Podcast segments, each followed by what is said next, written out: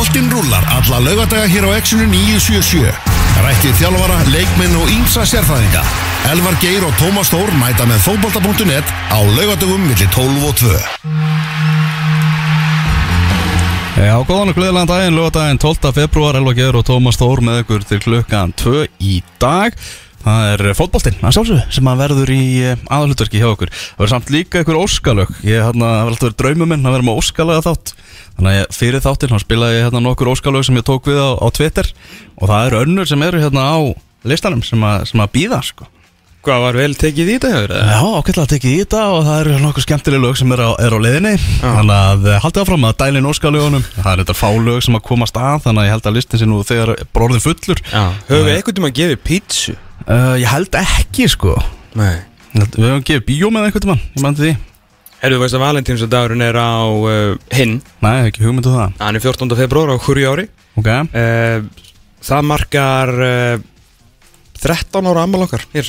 Já, það er svoleiðis. Já, já. Þetta Þetta er eiginlega ammælisáttur sko. Já, þess vegna er ég með óskalögin Já, nákvæmlega, nákvæmlega. Hver veit um við gefum pítsu eftir Ef við fáum leiði til þess. Annars er hérna 1411 Quite Interesting Facts to Knock You Sideways. Við getum gefið hana uh, Fullt af spreyti hérna Og alls konar dóti í gasljánu Sem að, ei fyrir ekki, í, í fiskabúrunu Við byrjuðum í gasljánu Já, já, nú erum við í fiskabúrun Nú er bjart og fallegt Mm. og, og dagurinn farin að lengja Og það eru gleðið tíðindi Já, já, það er að fara að staðleikur í hanska boltanum núna kl. 12.30 nokkuð spennandi hátegisleikur þar sem að Manchester United tekur á móti eh, Southampton á heimavelli. Ólík eh, hlutskipti liðina í vikunni. Southampton vann Tottenham 3-2 spiluði frábælega, United gerir jættubli við Burnley spilaði hörmulega í setniháleik mm -hmm. Enderson Gvanis uh, ekki með í dag vegna meðsla og Cristiano Ronaldo fær að byrja fram með það sem að vantilega þarf ekki að hlaupa á eftir boltanum eins og uh, útskýrt var uh, fjárvera hans var útskýrt með því fyrir síðasta leik. Já, hann er núna komið hvað, fimmleiki röðan þess að skora mark? Já, það er, gerist nú uh, örs sjaldan Já,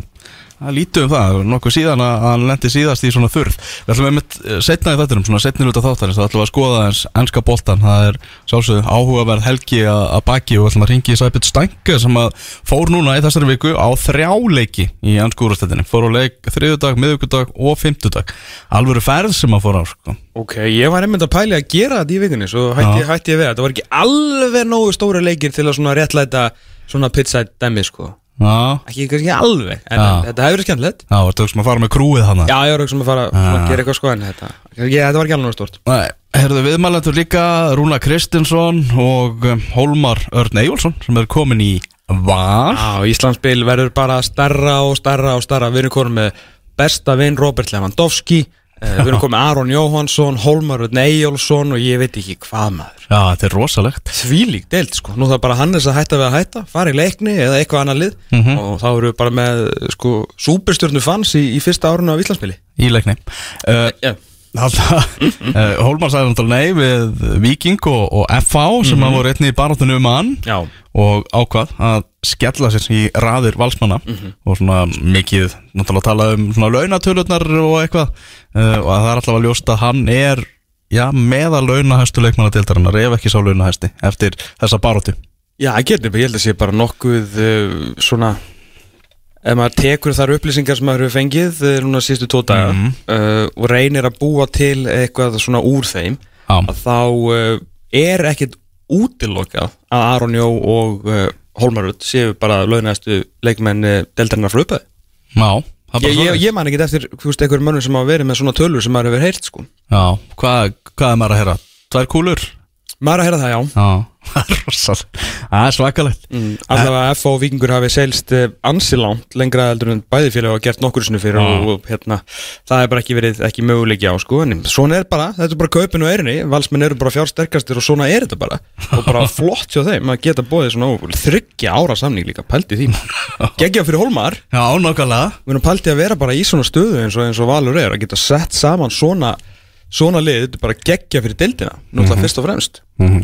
Er það þarna góð viðbröð við, við beðin okkur um að gefa pítsur? Ómar Úlfur sendir þetta skilabóð Við meðum ekki gefa bókina Nei. En við getum dælt út pítsum á eftir. Okay. Haldið áfram að hlusta. Það er aldrei að vita að við gefum pítsur á, á eftir. á 13 ára amalinn okkar hér á X977 Já, hvaðlega Heyrðu þarna heimavinna þín í síðasta þætti Þegar þú settir saman þarna svona úrvalslið eða svona þitt draumalið Eitt leikmaður úr hverju liði og eitt þjálfari? Já, Ég- með fyrirvara samt, þetta var, þetta var á hundavaði Já, þú sagði að alltaf mögulega að reyna að leiðrétta þetta eitthvað í, í þessum dætti.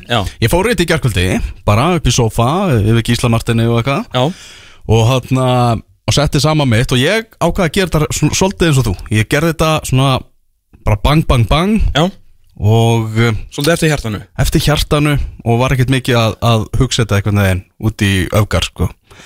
En liðið hjá mér Alright, er þannig. Já, að í markinu uh, Halli Björns, Haraldur Björnsson í stjórnunni já. Hægri bakvörður er Ástbjörn Þórðarsson í Keflavík. Svona Ok. nýta mér það allavega meðan hann er ennþá í Keflavík. Gott, Miðvar- Miðvarðarparið Ég er með Eið Aron Sigurbjörnsson eins, rétt eins og þú. Já, og með honum Binnarhlu Brynjar Hlöðarsson með stríðsmann úr breiðholtinu. Tvo stríðsmenn hérna Já, Heiður Aron og þetta, er- þetta er alveg miðvarðarpar Heldur betur. Svo setti ég Jóhannes Wall hjá Ía í vinstri bakvörði Ok, uh, Á miðjunni Pablo Puniet hjá Viking mjög gott sjátt. Viktor Karl Einarsson hjá Blikum. Uh, og Matti Villa hjá FA Jesus Christ, þetta er sterk með og fremstu menn eru Hallgrimur Mar. Stengrimsson Stefán Átni Geirsson í KR Mhm. og Patrik Pedersen hjá í Val. Þjálfari Jón Sveinsson hjá Fram, fram, já, ekki amalegt. Hafa einn hérna, einn alvöru mann hérna stóísk ró yfir, yfir þjálfara teiminu Þú mátt taka tvo fram hann að þú verður þá með steina með honum. Já, ég tek steina Bara teimið. Já, það var skemmtilegt að gera þetta og við hérna, ég munum kannski endur taka leikin einhvern tíma, svona það nær dreigur sumri og, og ég bæði búa til eitthvað keppni eða eitthvað. Já, líka eftir þegar mótið er kannski hálnað þá svona eru kannski leikmenn sem hann bjóst ekki við meira. Að ég var náttúrulega að tala með henni í síðustu síðasta þætti hvað var erfitt að velja leikmenn úr skaganum og, og fram og kepla það var ekki svona jafn mikið af svona stjörnum sko. Þannig að hérna, kannski verið einhverjir búin að stinga ofan í mann og, og verða stjörnur í nýju, nýju dildin okkar. Já, ég átti mitt bara eftir vinstri bakverðin þegar það upp sko. Já, og þá var ég, með dætt ekki strax Jóris Vall í hug, ég var búin að gleyma því bara að hann var komin í, í skagan sko. Nei, nei, nei. Svo er þetta náttúrulega líka eins og veist, ég og fleiri sá ég, ég sá svona 2-3 liði á Twitter og það voru nú held ég svona 90% heimtur á Rúnari Þór í Keflavík, náttúrulega flottu leikmaður en svolítið what if done fyrir mig lately það sem að lendi náttúrulega í sem vondu meðslum drengurinn sko, það fór frábælega af stað en svo eftir að hann komst ekki þarna til Svíþjóðar og þá bar nú ekki mikið á honum því miður en við vonum að hann komi nú sterkur upp núna. Mm En Áspjöð Þórðarsson, hann fær hann að sæti. Það hefur orðað hann við F á F á einhverju að reyna. Þá að, vant, hérna, náttúrulega vanta bakverði. Já, þeim vantar bakverði, eru búin að gera eitthvað tilbóð og eins og að Rappkjell Freyr var eitthvað að tala um á Twitter að þetta var nú ekki, já, ekki að merkileg tilbóð sem hefur komið úr hafnafyrðinum en samkvæmt heimildum fótbolta.net þá vill Ástbjörn fara Ok. í FH, það vekur áhuga hans en, e, og keflingingar eru farnir aðeins að þefa að öðrum bakverði, ég veit að hafa talað við eitthvað umbósmannum, svona spyr, spurt út í hvort að hann sé með hægri bakverð á sínum snærum. Erlendan þá Já. já, ok. Þannig að þeir eru alveg sko svona, búa, búa svo undir það möguleika að áspjöld fari ekki Já, reyna allir hafa vaðið fyrir neðan sig. F á að halda svona tilbúinu lágu til að byrja með aðeins að prófa vatnið.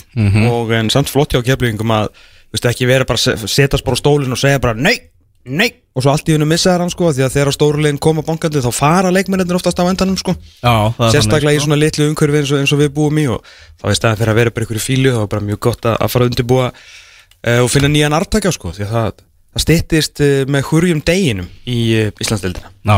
Að Áspjöld Þórðarsson átti frábæna leik fyrir Keflavík í fyrra á móti FH í Ka- á Kaplakrikavelli. Endaði 0-0 í ágústmánuði. En þá var hann að spila í miðverði, hjarta varnarinnar. Það voru rosalega forfölli á Keflavíkuleginu Er ég að bulla þegar ég segja að hann hafi spilað meira vinstra meina síðustu liðið? Tók hann ekki við af Rúnari? það getur bara að spila hvað sem er. Já, hann, hann, get, hann er alltaf hreikala fjölaður, sko. svakalega. En það var frábær og valið maður leiksins þarna af fréttaritara á, í kriganum Elvar Geir Magnúsinni Já, það er ekkit annað. það er ekkert annað. Þetta er svona gæði sem að, hérna, náttúrulega sá svolítið sang sína uppbreyta hjá Káir, fór fyrst á lán og svona og síðan bara langaði hann að spila og nú er hann bara með fullt, fullt að leikjum undir belti, kom bara með fína reynslu og flottum aldri að hérna, þú bara í staðin fyrir að vera eitthvað að setja á bekknum og þú veist, voða gaman að vera í að eiga æfingasetti hjá Káir, sko. Og geta sagt á, á hérna á skilur við, það var bara betra að fara og spila fótballtaleiki hann bara ríka lánaði með hann, þetta er bara hörku helvitis leikmaður sko. mm uh, Patrik Pedersen, hann var fyrstur á blað hjá mér bara eftir að ég sá hann spila úslitaleg Reykjavíkumót sem síðasta sunnudag. Já, Ég er búin að svona, þurfa svolítið að halda um bumbuna núna síðustu viku þegar fólk hefur verið að tala um að hann sé að fara á varamannabekkin Já, Hann er séns. hann er svona pund fyrir pund sko besti leikmaður deildarinn á síðustu 6-7 árin sko. Það var pyrraður í fyrra eins og við höfum talað um. Hann var í ömulegu liði. Gekk ekki. Þegar ég segi ömulegu þá meina ég alltaf með við þeirra standarta sko. Já. Þeir eru búin að drotna hérna yfir íslenska boltanum nána síðan 2016-17 og síðan gátur alltaf ekki neitt og voru allir í fílu aðna sko. uh, En þetta er Patrik Pedersen sko. Já, skoraði þrennu á móti káringum. Uh, og það sko gæðamörk, þetta voru ekta svona Patrik Pedersen mörk mitt og maður bara, já, hann er bara mættur aftur í sinn besta gýr og valsmenn vonast til þess að hann haldist þannig fram í sumarið þegar Íslandsdeildin fyrir að stað. Nákvæmlega. Og hann var séðan kvildur þegar valum hann þrótt vógum 5-0 á meðugudag í lengjubyggarnum lengjubyggarum fer hann á fulla ferð. Uh, Já, þannig að það er þetta, þetta er liðið sem maður setti þetta saman. Uh, Við ætlum að fara að ringja í, í uh, Rúna Kristinsson hvað á hverju, mm. þjálfur að káeringa uh, þeir byrjuðu rosalega vel þannig að leika á móti valsmönnum en síðan fjaraði fljótt undan þeim en alveg svör, svörun í, í gær þegar þeir eh, tóku lengjudeldarlið afturöldingar og unnuð á 5-0 í lengjubeikarnum þar sem að Sigur Bjartur Halsson kom inn í háleik Settu tvö. Setti tvö mörg Stefán Átni skoraði Stefán Ljúbisitt skoraði. Pálmi Rapp skoraði. Já, þannig að bæði ungir og gamlir að, skora þarna fyrir K.R. Eldur strefingin ansi góð á, á K.R.leginu sem er náttúrulega ríkala líklegt til afrika með svona já, nýja leikmenn sem kannski ekki allir byggust við einhvern veginn að myndi endi K.R. eins og, eins og Ljúbisits og, og Sigur Bjartur Halsson en það þarf kannski aðeins stærri hópa eins og við erum að tala um þó að kannski álægi verði ekki alveg mikið og, og haldi verður með þess að auka fimm leiki því að það spilaði yfir lengri tíma en við skulum ekki glema því að, að káringar voru dregnir með til Evrópu þannig að þeir eru náttúrulega bæði byggar og um, Evrópuleiki í ár Já, það heyri í Rúnari, hann er komið norður á Akureyri, það er helgafrí hjá Káringum, það voru að spila á föstaðskvöldi þannig að flóið norður núna í morgun. Uh, er mögulega að renna sér niður skíðabrekku, akkurat eins og staðan er núna. Já. Hans eigin olimpíuleikar heldur betur. Já, við náðum ekki samband og hann reynum hérna rétt á, rétt á eftir. Uh, Blikar. Þeir voru að klára uh, Atlantic Cup í gær þar sem að þeir unnu sigur í, fyrsta leik uh, unnu þarna varalið Brentford gerðu séðan jafnteflin unni í vítaspytukefni á móti Midtjylland og töpuðu séðan fyrir FC Kaupmannahöfn þrjú fjögur endur leikar í svakalegum fótballleik í gær. Gísli Eyjálsson og Höskuldur Gunnlaugsson komu blikum tveimur mörgum yfir svona að FCK að snúa, mark, að snúa dæminu við komast í fjögur tvö að Kristinn Steindósson mingaði mörgin á 89. mínútu. Tapja blikum en rosalegu fótballleikur og Kristinn Steindósson búin að skora í öllum leikjum, skoraði öllum leikjum Atlantic Cup. Mm mikið talað um það að blikum vandi sóknamann Hann er hjartanlega ósamála því. Hann er, hann, hann er að raða þessu inn bara, sko, bara frápa mörg sem að skora þarna. Já, og var líka skora í, í fókvóttum.net-mótinu og búin að vera alltaf bara mjög góður frá því að hann kom heim í, heim í breyflik sko, bara og hættir ekki. Já. Það var alltaf hrigalega skemmtilegt líka við þennan leik að hann mættust uh, faður og sonur. Mm -hmm. þjálfari breyfliks, uh, Óskar Af Þorvaldsson að spila á móti uh, ungstyrninu sem er jú sonur hans, Óri Steinn Óskarsson. Mm -hmm. alltaf einn af nokkrum íslendingum að mála hjá, hjá FC Kaupmannahöfn. Strákur með mikinn fótbolta eins og kannski mætti við búast með hver faður hans er. Já, virkilega gaman að horfa að blika í þessu móti. Ég horfa á alla þrjáleikina Já, og allir virkilega skemmtilegir og náttúrulega líka gaman í leiknum kær það er Ísak Bergmann Jóhannesson sem að bara kláraði blika þarna að lokum og Einmitt. skoraði geggja markur aukarspilnu skoraði tvö mörk í þessu leik komum í 3-2 og svo 4-2 uh, fyrra marki hans það var svona FCK að setja pressu þegar Anton Ari var að spila út úr markinu. Mhm. Svona ákveðin eins og við talaðum fórnarkostnaður Jú, jú. Í, í þessu uppleggi en Óskar hatt búin að tala mikið um það að þeirra fóru í þetta mót og ætlaði að spila sinn bolta og, og þeirra hafa gert það og bara virkilega flottir og, og skemmtilegir í þessu, leik, í, í þessu móti og bara geggjaður undirbúningu fyrir það og fara í sólina í Portugal og mæta alveg anst, anstæðingum Mhm. Og sama tíma sko Orri Steinn var að uh, spila þarna fyrir FCK og uh, Óskar Hafn þjálfa blikana að uh, þá var uh, núna fyrir þremmutuðum síðan skoraði Emilia Óskarsdóttir dóttir Óskars Hafn sitt fyrsta mark fyrir uh, Kristjánstad sem eru eiginlega, eiginlega ekki lengur sænslið, þetta er eiginlega bara íslenslið í Svíþjóð og eitthvað bara einhver albesta fjárfesting sem við Íslingar höfum gert að senda Elisabethu Gunnarsdóttur tann til Kristjánstad þar sem að hún er bara með milliskref fyrir alla íslenska leikmenn Nákvæmlega og sjá bara hvert landslið okkar er að koma skil. við þurfum ekki Elisabethu sem landsliðtálfara við þurfum hana bara þarna til þess að halda utan um allan talentur okkar Hún er bara að hjálpa íslensku fótbolta ég er bara mei, meira en hún myndi gera sem landslýstjálfari sko. en uh, nú er ég enda með nýjan ég er með draum núna sko. mm.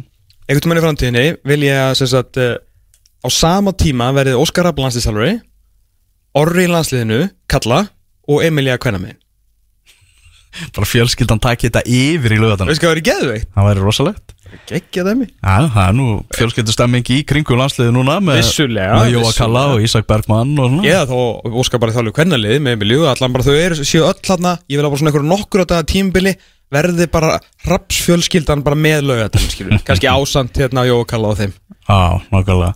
Uh, En Damir Muminovic ekki í leikmannahópi blika í leiknum í gær eftir að hafa brotið agareglur uh, okkar maður skilaði sér hann eitthvað seint og illa eftir, eftir gleði kvöld uh, var hann í viðtali á blika.is að ég, auðvitað mest gaman í honum. Já, klárt mál. Hann sagði ég tek bara fulla ábyrð á þessu og áfram gakk sagði hann í viðtali við blika.is og maður veit náttúrulega ekki hvort hann hefur bara tekið út sína refsingu í þessum leiki gæri eða hvort það verði einhverjir frekari eftirmálar af hálfu blika en menna breyðarblik þar Damir, eitt besti varnamaða deltarinnar og var í lið ásins í, í fyrra. Mm Já, já, ekki, ekki spurning og hérna, hann ætlar að renna út af samning í, uh, eftir þetta tímbil, hann har verið mjög fróld að sjá hvort að hann fái nýjan samning núna hvort hann þurfa að býða fram á haust að uh, það er þá vantilega bara í apríl sem að má önnulið með að byrja að ræða við hann mm þannig að hérna, hvort að þetta dældi það eitthvað ég veit ekki, þeir náttúrulega þurfa á honum að halda frábær varnamaður og sérstaklega þegar hann er farin að skora nánast í hverju meinasta leika þá er hann orðin eh, ennfrekar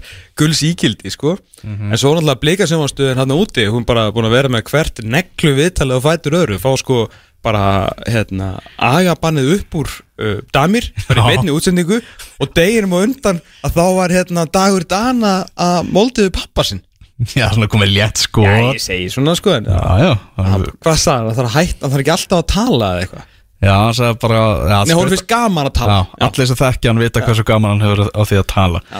Það er einhver logið þar. Já, algjörlega. Já, rannsóknar, blæðamennska Já. Blikar.is að það úti í Portugal Þetta var skemmtilegt, var líka bara metnaður í sig að fara að láta hérna að fara með Blika TV bara út og hérna lefa hans hérna blikunum minna heima og, og öðrum náttúrulega að komast aðeins nær liðinu. Já, já, allir leikir náttúrulega í betni á stöðu sport Þannig að verið, verið hægt að fylgjast vel með þessu Atlandi Cup uh, æfingamóti. Já Búum ríkilega gaman sko. Já, nákvæmlega. Gerum hérna aðra til um við Rúna Kristinsson Rúnar, Sælir, Hælir blessaður sæll. Varstu bara að koma niður brekuna eða? Herðu, ég er bara komin í skóna og, og hérna, leðin í fjallið. Ok, hvað er hérna helgafrí hjá um, Káringum? Já, það er fengu helga fyrir núna. Ok Við erum alltaf búin að spila tölvöld marga leiki núna, spilum þrjá leiki sístu viku á sex dögum og svo fengum við hérna fjóra daga frí og tókum svo leikin í gæð og þannig að að vera tölvöld áleg og það var komin tíma að gefa hans smá frí.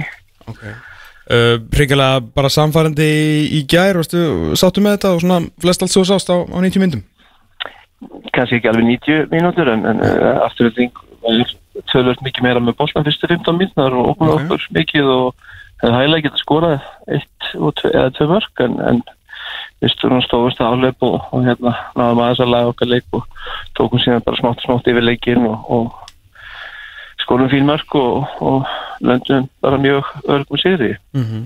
Tveir af uh, nýjum mönnum að skora í gær uh, bæði náttúrulega Sigur Bjartur og, og, Stefán uh, Ljúbisitt hvernig, hvernig hefur verið, hérna, veturinn verið með uh, þessum strákum?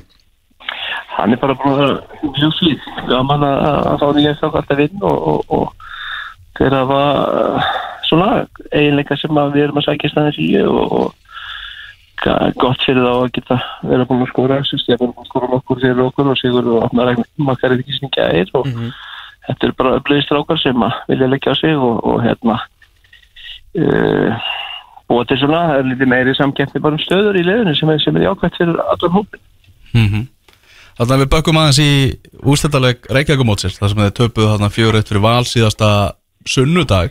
Uh, svona eftir já, töpuðu fjögur eitt en miða við svona fyrsta hálftíman á, á leiknum það var eiginlega bara reynilega ótrúlegt að þessi leikur hafi farið svona Já, ég held að við höfum bara sprungið á limunu. Við vorum, eins og ég segi, við spilum á mánudegi, við spilum svo á femtudegi og svo aftur á sunnudegi, við varum úrslutaleikt, vorum að spila mikið á söm mönnum og þannig að þú veist, þrýr leikir og sex dögum eða sjö dögum fyrir, fyrir okkur þessum ástíma, það er bara alltaf mikið og við höfum bara ekki orku uh, lengur og, og hérna, ég var með sama byrjunlega á femtudegi og sunnudegi og hafði ekkit uh, mikil option skilur það, þegar maður, vil maður vinna úrleik þegar maður er komin í hann.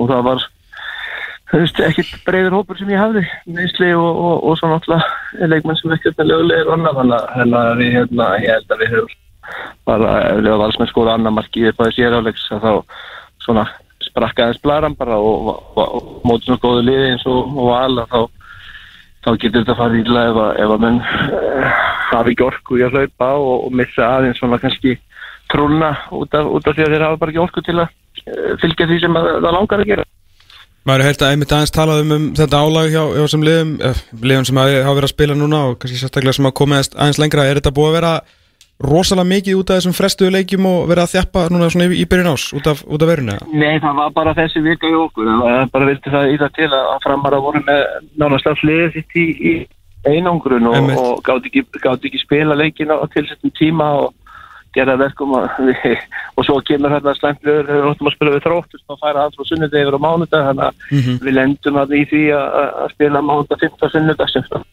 að ekki, alls ekki gott eh, ekki gott á miðju sumri og, og myndi aldrei gerast held í deildinu til dæmis. Uh, en, en uh, við erum bara að gera þetta til að spila þessi leiki til að fá þessi æfingarleiki og við reyndum bara okkar besta og uh, þetta er samt bara frábæri æfingarleikir og, og þetta er byggar í húfu og við ætlum alltaf að vinna náttúrulega úrslit en, en, en þú veist, við erum ekkert að grunja það alltaf lengi við bara lærðum fullt af þeim leik á móti val til dæmis. En álægið er uh, kannski óþærlega mikið ákvæmt þess, þessi vikan þannig að, þannig að þess að eins og ég segi einhver aftur í gær eftir fjóra dag kvild sem var fínt að fá og svo, og svo bara tökum við helgafrí núna og mm -hmm. róðanlegin í næstu viku Það er náttúrulega mótið okkar byrja svo snemma í ára það er bara að mann áls farin að að tælja niður sko, ertu, ertu orðin, ertu sáttu við hópinn og svona þú veist vegferðina segir á, heldur að þú munir bæti um leikmanni viðbót eða svona áttu, ertu með svona svolítið skýra sín hvað ætlar að gera síðustu, síðustu vikuna fyrir mótið?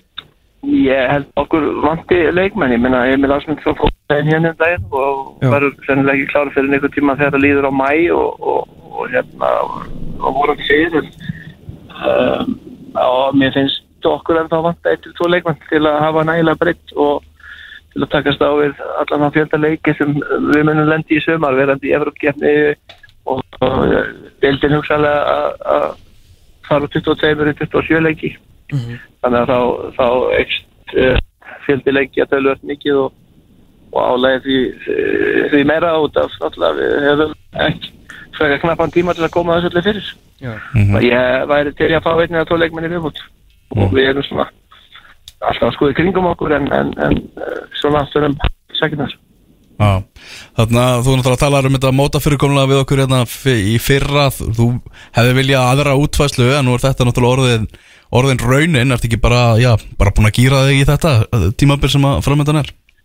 Jú, jú, algjörlega, ég meina þegar búið er að taka ykkur svona ákvarður þá bara, þá er ekki bara fyrir okkur inn að bara gera þessi vel úr því og, og, og hægt er, við erum hérna sáttir við þetta og, það er að það er gott að prófa eitthvað. Og, og hérna svo verður við bara að taka umræður þegar að kannski þe- þetta árið liðið og þetta tímabil búið hvernig, hvernig fór þetta allt saman og við getum vænst þess að, að þau sex, sex lið sem fara í úrslutikefni sem á að byrja 1. oktober að, að við getum á úrslutaleiki sem skipta greiðlega málum það hverju verður Íslandsmeistarar um, skonar verðum og, það er kannski ekkert ákvörða það sem að maður myndi vilja að, að þegar við horfum á að breyða vikingur að berja snöfandi og þegar við spilum úrslutaleik í 6 metrum á sekundu og, og hérna rigningu skilur eða jafnvel að búa að snjáa á vellina græsvellinni sem þú er á og þeirri sem að er áfram. Þeirri sem er í þessu og er á græsi þá náttúrulega vitum við ekki hvað ástand þeirra er og, og þá kannski eru leikin ekki sko þeir eru á miður semri þegar þessi bestu lið er að mætast. Já, nákvæmlega. En, en, en þetta er náttúrulega sem, eins og ég segi, við erum að prófa og, og þetta er náttúrulega er ágætist tilhörun sem er verið að fara að gera mæntalega núna mm Já, þetta verður fróðilegt og skemmtilegt en talandi um veðrið, hvernig viður allir skíðaðiðkunar á, á Akureyri í dag? Hér er bara ljómandi gott. Ég hérna, er að horfa á brekkunar núna fyrir fram að mig og hérna ég er allt tróðað fólki og ágætt sög til að skýja reyndar en, en það er gott skikni, ég skikna alveg hérna eftir upp í brekku þannig að ég ætti að verða með nokkar færir Það líst mér vel. Hvort, myndur þú líka meira svona við Albert og Tomba eða Settil Andri Ómót? Ég er svona Stenmark típa. Þú er stenma, auðvitað. Nei, nei, ég, ég kem skamlaus niður og, og vonaði dekku oft og með mig þannig að ég komi heilt tilbaka eftir að það er allir Við vonum það líka. Rúnar, takk fyrir að gefa þér smá tíma og góða skemmtun í brekkunni.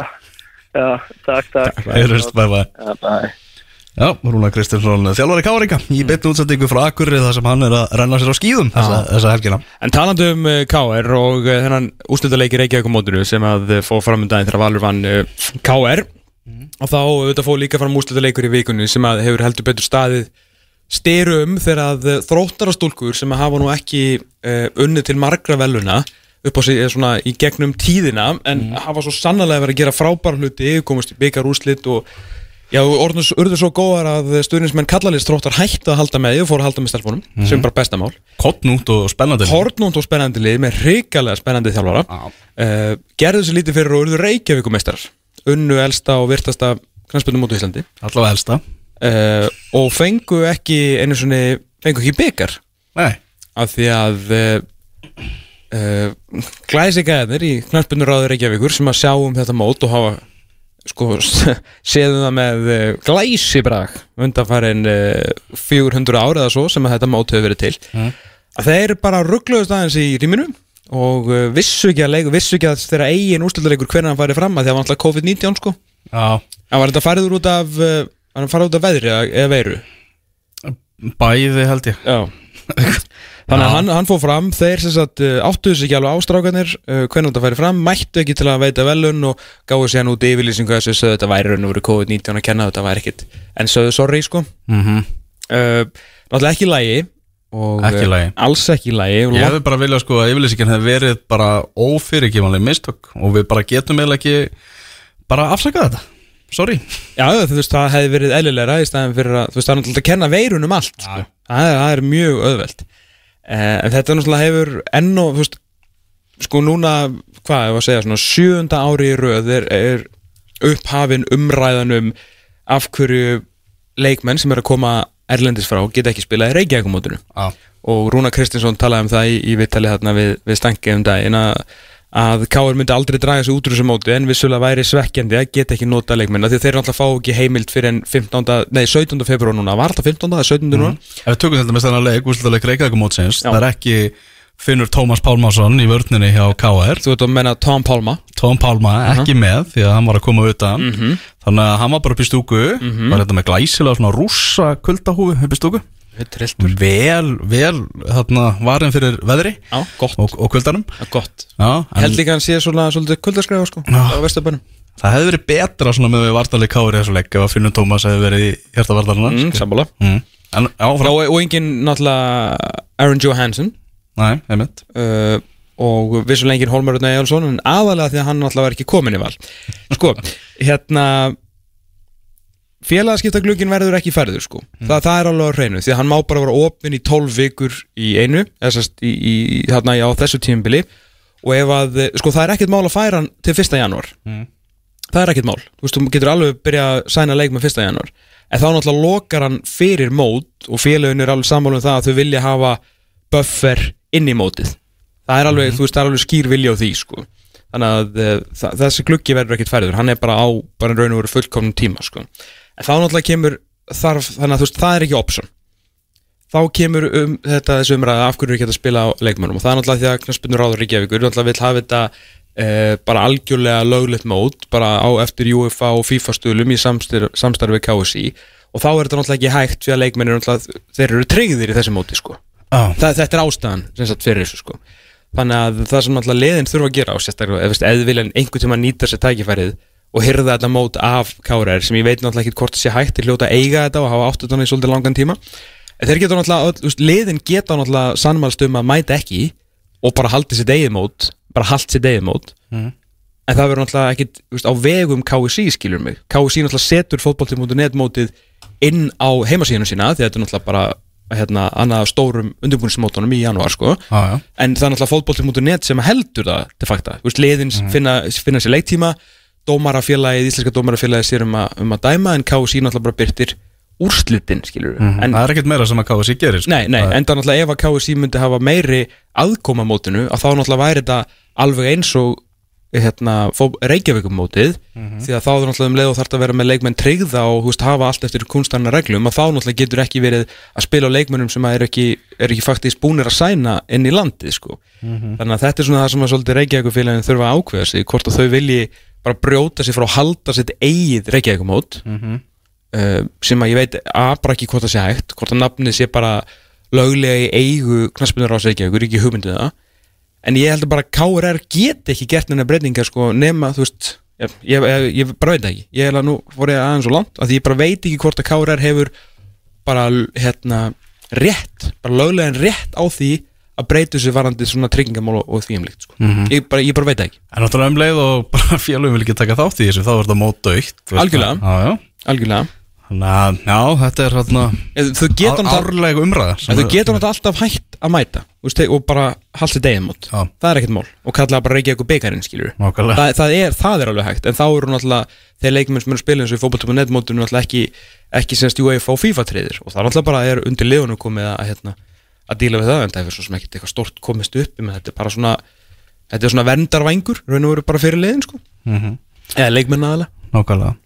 Herðu, við ætlum að gera aðra tilvæm til, að- til að ringja það er ekki þannig. Og það er Hólmar Örn skal eh, segja það. nýr varnamæður valsmanna sem að eh, við ætlum næst að reyna að ná á. Hann er í einhverju pappa hlutverki og, og annars gerum við bara alltaf aðra tilvæm það hefnaðist með, með það verður aldrei verið en það sko. Nei, nokkulega, það hefnaðist með Rúna Kristinsson áðan þannig að það er aldrei að vita nema við náum í hann hérna á eftir. Já, það svarar ekki núna. Samband við Já, Já, það það er en það er uh, nóg annað nú eins og ég komin á, lengju byggarinn hann er farin af stað og ég fór í Reykjanes höllina uh, þar sem að já, fyrstu knatthöll uh, Íslands, þar sem að kepla eitthvað leiknir áttust við uh, í skemmtilegum leik Já, í þrjusuleik Já, leik fallegra marka mm. Það er út að segja það að Robert Hugson skoraði sínum fyrsta leik kom leikni yfir þetta tíu mínútna leik Herru, við stoppuðum svona aldrei þar við, hérna, við þetta sæn mm. voru enginn fleiri á eftir honum eða? Jú, framarar voru meðal annars að reyna að fá hann og eitthvað. Spennandi strákur sko. Mm Svolítið direkt, smá hraði í honum. Þróttarar voru náttúrulega ekkit svona opni, ekki tilbúinir að láta hann af hendi svo auðveldlega skiljanlega. þeir máttu svo sem alveg búast við því að svona talent væri um leiður myndi falla, því miður. Já, já. En hann allavega stimplaði sig þarna vel inn var mjög líflegur svona í upphafi leiks. Hvar var hann að spila? hann var uh, eitthvað, eitthvað staðar hérna frammi res og kátur Hann hann var hann, já, ok. Já, hann vantaði náttúrulega sóknarmennina sko. Já, þeir náttúrulega með ekki spila núna, ég veit ekki byggjum næ Já, og hann hann verður svona út á kanti í liðinu. Já, og hann já, og hvar verður þessi pólveri? hann er uh, á kanti líka. Hann er á kantin líka, Já. ok. Vant, eins og við tölum um, það vantaði uh, bara að fylla upp í sóknina.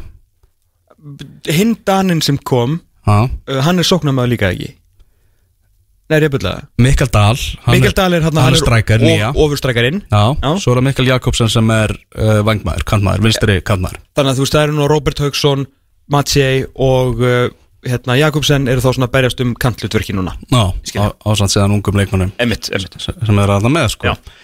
Herri, já, Adam Óttir Róbesson jafnaði fyrir Keflaðeg Þetta var rosalega sveiflukjönduleikur Jafnaði hann á uh, 32. mínútu. Uh, Virkilega fallit mark Geggja mark. Ok. Og Marli Blair skoraði þess að líka störtla mark Svo ég uppaði setna áleist átti Keflaðeg sláa sko Það voru bara næstu bara að skora sko Þriðja svona undra markið nánast. Ok. Um, en Danni Finns, hann jafnaði bynd fyrir aukarspilnu á, á uh, 70 annari mínútu og Andi Hóti skoraði saman skalla eftir hot ungur, ungur leikmaður sem var á láni á þrótti mitt í fyrra. Þannig að tveir, sem, tveir leikmaður sem spilum með þrótti í fyrra og fjall úr lengjudeldinu sem hann skoraði fyrir, fyrir leikni þarna Ótrúlega ræði fallið. í þessu leikinu. Það var stóru fréttnar úr breiðoltinu samt, náttúrulega er náttúrulega þessi Matsei Makusevski sem að þú varst að minnast á. 32 ára gamall.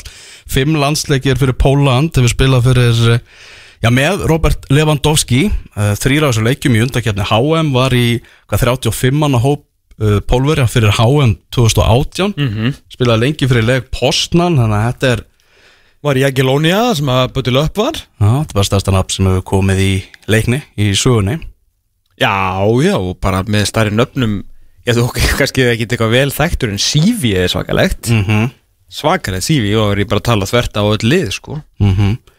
Og svona leikni vonast til þess að svona, það kveiki meiri áhuga hjá pólska samfélaginu á Íslandi. Já, Já. á félaginu, er náttúrulega nóga pólverið sem að búa þarna upp í breiðholti. Og hugmyndin er svona að verði með sérstakar æfingar fyrir, fyrir pólsk börn Já. sem getur þá mögulega að skila sér síðan inn í flokka félagsins. Það eru allt og litlar heimtur eða ekki á krökkunum í hverfinu? Þú veist, eða þú veist minni en þú veist ætti að vera þannig síðski Það er svona, þetta er Já, náttúrulega algjörlega, sko. að koma fólki svona inn í kúltúrin það er náttúrulega búið að reyna með einhverjum svona auglýsingabæklingum á pólsku og, og, og þannig dæmi. Já, en núna svona prófa að fara aðra leið nýta þetta að þessi gaur sé, sé komin algjörlega. Og ég var að googla svona pólskar fréttasíður eftir að þessi skipti koma þarna upp. Mm -hmm. og hann er bara risastórt nafn. Og, og þessi og þessi skiptir að koma mönnum gríðarlega óvart. Já, já, og það sá einhvern skrýpend sem var bara reynilega, að furða sig á þessu skrifi hjá honum. Ok. Hvað hann var að gera sko. En hvað er hann að gera? uh, Já, þetta er það er ævintýraþrá, spurning. eða? Það er ævintýra þrá sko. Ok, Já, hann hefur náttúrulega bara spilað á Póland, í, í Pólandi já, já, á heimagrundu og orðin 32 ára og hann vildi bara prófa eitthvað nýtt. Taka alla fjölskylduna bara til Íslands. Hún var áfundi, hún er bara mætt. Já, hún var bara mætt, Já. bara konan hans og, og tvö börn þarna með. Ok, Þannig að þetta er bara virkilega spennandi. Ég er alveg þrælspendur fyrir þess að gæja sko. já, ekki spurning sko.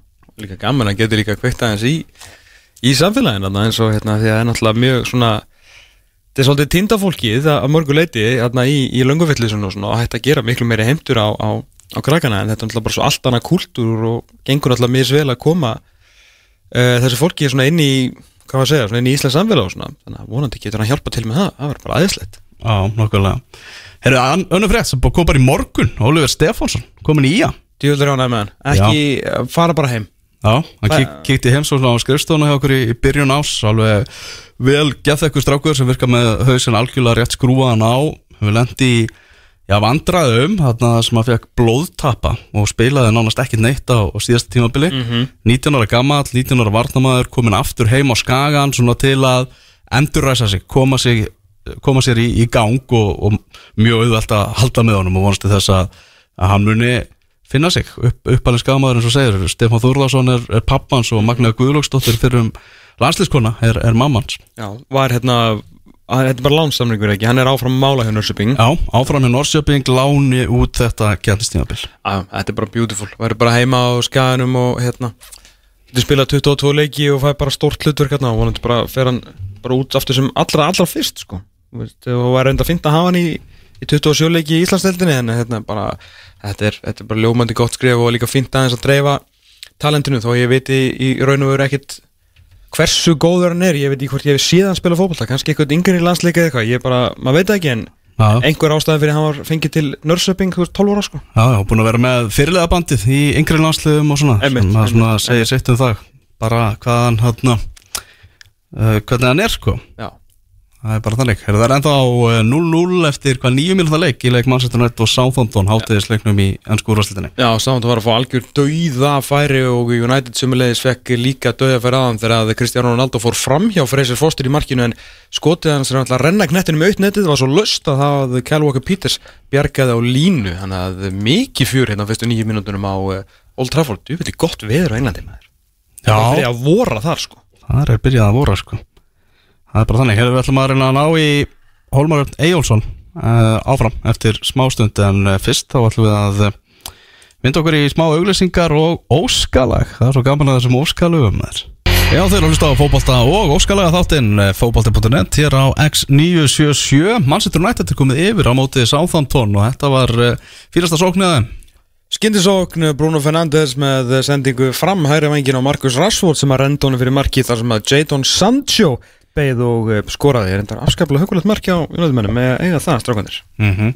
Hefur eftir tvær vikur þá verður Ásting Knaspindarsamband í, Sambands Íslands uh, Ásting KSI Ásvöllum í Hafnafyrði það er eh, staður Mekka knaspunnar á Íslandi sko. Já, nákvæmlega. Mekka Ég ætla að setja í dag, ætla ég að senda bara út bóð á, á Vöndu og Sævar. Ég held að þau séu bara tvö í uh, frambúðu til formans, fáðu hérna í þáttinn næsta lögadag, þannig að þú eru að hlusta þá vitið að því, takkið lögadaginn frá. Já, Sævar farið bara panta flug. Uh, Þetta verður ekki tekið úr síma. Þetta er alvöru, alvöru undirbúningu fyrir þetta kallmenn Já, það er engin annar búin að tilkynna frambúðið Og mun engin annar gera það? Það mun engin annar gera það, þetta verður vanda gegn Sævari og þetta verður spennandi, spennandi baráttu og mm. svona okkar sérfræðingar vilja menna að þetta sé bara já nánast, bara 50-50 baráttu sem að framöndan er mm. Já, þetta verður hrikalega hrikalega áhugavert eh, Sævar Pétursson, alltaf svona tölvert uh, þekktari í græsrótunni búin að vinna þar lengur en vanda hefur komið inn bara með nokkru krafti látið vel í sér heyru på síkastið eh,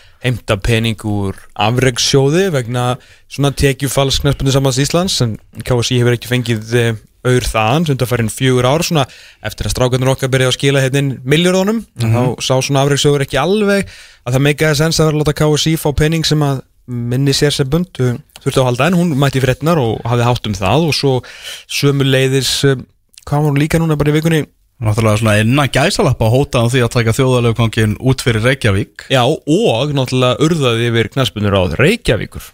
Ah. fyrir uh, það sem vorum að tala hérna um maður að mæti ekki og aðfenda uh, þróttara uh, konunum sinn Reykjavíkumestara byggar Vanda í kostninga ham Já algjörlega sem bara flott og bara láta heyri í sér. Þetta er það sem að formaði sérsamans á að gera. Sér bara hvað Hannes Jónsson er búin að vera að gera hún í KKI hann er bara alltaf í fréttum eða náttúrulega tala um hennan völl og skilju þetta er náttúrulega til þess ertu þessu starfi mm það er mhm. bara flott hjá vöndu og þetta ætti að vera mjög áhugavert en hún náttúrulega er kannski með uh, svona aðeins minna bakland, myndum maður halda það sem hún náttúrulega í svona í reyfingun í heilsinni, náttúrulega sæði að vera mjög þekktur sérstaklega náttúrulega fyrir norðan og uh, í næri deildum og svona næri deildali við, næri, mörg næri deildali við, vita að hann er svona mikið talsmaður þeirra en vanda örgla nýtt tíman til þess að hérna að ringja í, í fólk og svona, ég efast ekki um það en svona... Koma einhverju málum á stað Já, og... algjörlega, þannig að þetta Og er náttúrulega reysastótt nafni í fótballþarfum Já, reysastótt nafni í, knæspunduheiminum sko, og þetta á svona sitt baklandin svona bakland reitt og bakland er annað sko það hefur búin að vera svo lengi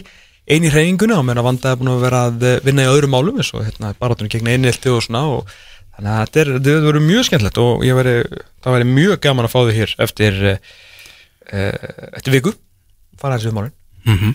og svo er spurningir hverju verða í stjórninni það er uh, tveir aðalar, Valger og Ingi Sigur Eyjum sem að Valger og Garðabæ sem að ætla ekki að vera áfram segja, segja skilu við, við stjórnina mm -hmm. uh, Þannig að, en hinn er sex sem að sitja í stjórnina ætla að gefa kost á sér áfram með það ekki? Jú, en af, af hverju voru við að hérna, tala um að vera allir að hætta en daginn? Var þetta bara gerast núna á síðustu dögum að þau ákveða að vera áfram með það? Nei, svo náttúrulega kemur inn líka sko, Þóróttur Hjaltalín hættir sem að var í varastjórn, var, uh, varamæðurstjórn okay. og hafa formað dómarnendar okay.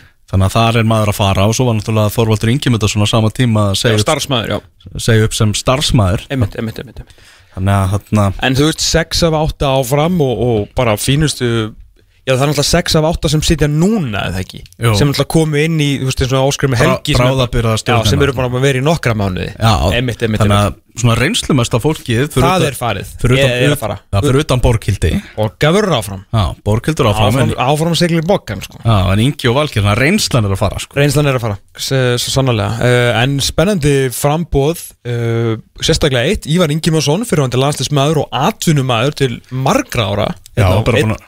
einn af okkar bara farsætli aðtunumæðurum svona síðustu 20 ári en það svo náttúrulega spilaði með Redding lengi og ótti nokkur tímabili í Premier League hefur síðan þá náttúrulega verið bara í, í hérna, ferðamannabransanum ekki og verið að byggja álóta til sín taka heima á Östfjörðum Já.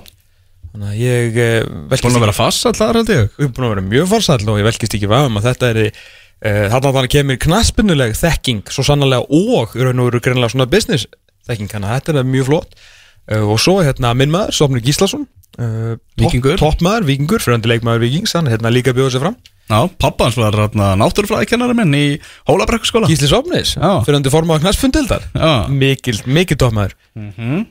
Hann er mikil svona, hann er mikil svona Facebook status maður um viking Svona aðeins að fara um málin og setti svona alltaf í aðranda Íslandsmeistara titilsins Alltaf svona mynd af bara svona vikingsfánanum og svona fóru yfir að nú voru bara þrýr úrslutaleikir eftir og tveir ánægð með það sko. Sofnis, þetta er toppminn já En núna held ég að það sé bara runnin út sko frambóðsfresturinn Ég held að kási sem, sem býði með það fram á mánudag eða eitthvað að tilkynna það nákvæmlega hverjir það eru sem eru í frambóði Já, uh, eru komnar einhverjar svona tillögur sem að skipta máli? já. Já, já, það eru konar Það eru konar tilugur Hvað ertu með fyrir mig? Það var tilkynnt í gær. Það er tilugur sem munu liggja fyrir eh, til álugtunar, fyrir ástingi Það er náttúrulega eh, breytingin á fyrirkomulaðinu í Já, kalla við skulum ekki gleyma því að við erum ekki ennþá komin með 27 leikjadeld Nei. á pappir Þetta er ekki orðið staðfest. Birgir Svensson er búin að teikna þetta upp og Verður, sagt, verður þetta tilkynnt að þegar nú var sagt að þetta gera svona einhvern tímanum miðjan februar en verður Íslandsdeildin okkur tilkynnt fyrir en að þetta er, eru ekki að fara að tala um að þetta verður ekki tilkynnt fyrir bara í mars eða? Já, Getur þú tilkynnt 27 leikja deild áður en að við erum konum með 27 leikja deild? Já, já. Það er náttúrulega búið að gefa út sko vilja yfir lýsingu um það að þetta verði samþygt vissulega. Og það, og það er búið að selja deildina bæði veðmálarétt og útsendingarétt og Það er þið erfitt að hafna þessu núna. Það er bara ekki hægt. Nei, nei. Veist, Það er ekkit félag að fara að hafna þessu. Nei, þetta, verður, þetta verður svona. Uh, Svo er náttúrulega breytingu fyrirkomlega í efstudelt kvenna á næstu, næstu, næsta ári. Og það myndi þá já, taka gildi 2023 og það er bara svona já, útgáfa af þessu uh, dæmi sem er verið að gera í, í efstudelt kalla. Þetta er alveg góð punktur sem uh, maður sagði við mig? Af hverju ekki að býða eins með þetta? Að samþykja það, sjá hvernig þessi deild hvernig henni vegnar í, í sumar? Einmitt. Þá verður hann að sé að vera að henda eitthvað þú veist, breytingum á aðra deildir. E, Úsildakefnin í fyrstu deild Kalla sem að við töluðum um við Daniel Moritz hann var hérna í nefnd sem að teiknaði þetta upp og, og svo hugmynd er svo að lokinni hefðbundinu tvöfaldri umferði í mótinu þá verður tekið upp umspil milli liðana sem enda í öðru til fymta sæti um lust sæti í efstu deild Kalla þannig að verður bara efsta liði sem að kemst beint upp þetta er svona ekki dósveipa því sem við þekkjum á Englandi í Championship-deldinni mm. leiki verði heima og að heima þessi liðin í öðru sæti og fymta sæti annars vegar og liðin í þriða sæti og fjórða sæti hins vegar mætast í undan úrslitum en úrslitaleikurinn verður síðan á hlutlausum velli úrslitaleikur um sæti í efstu deild.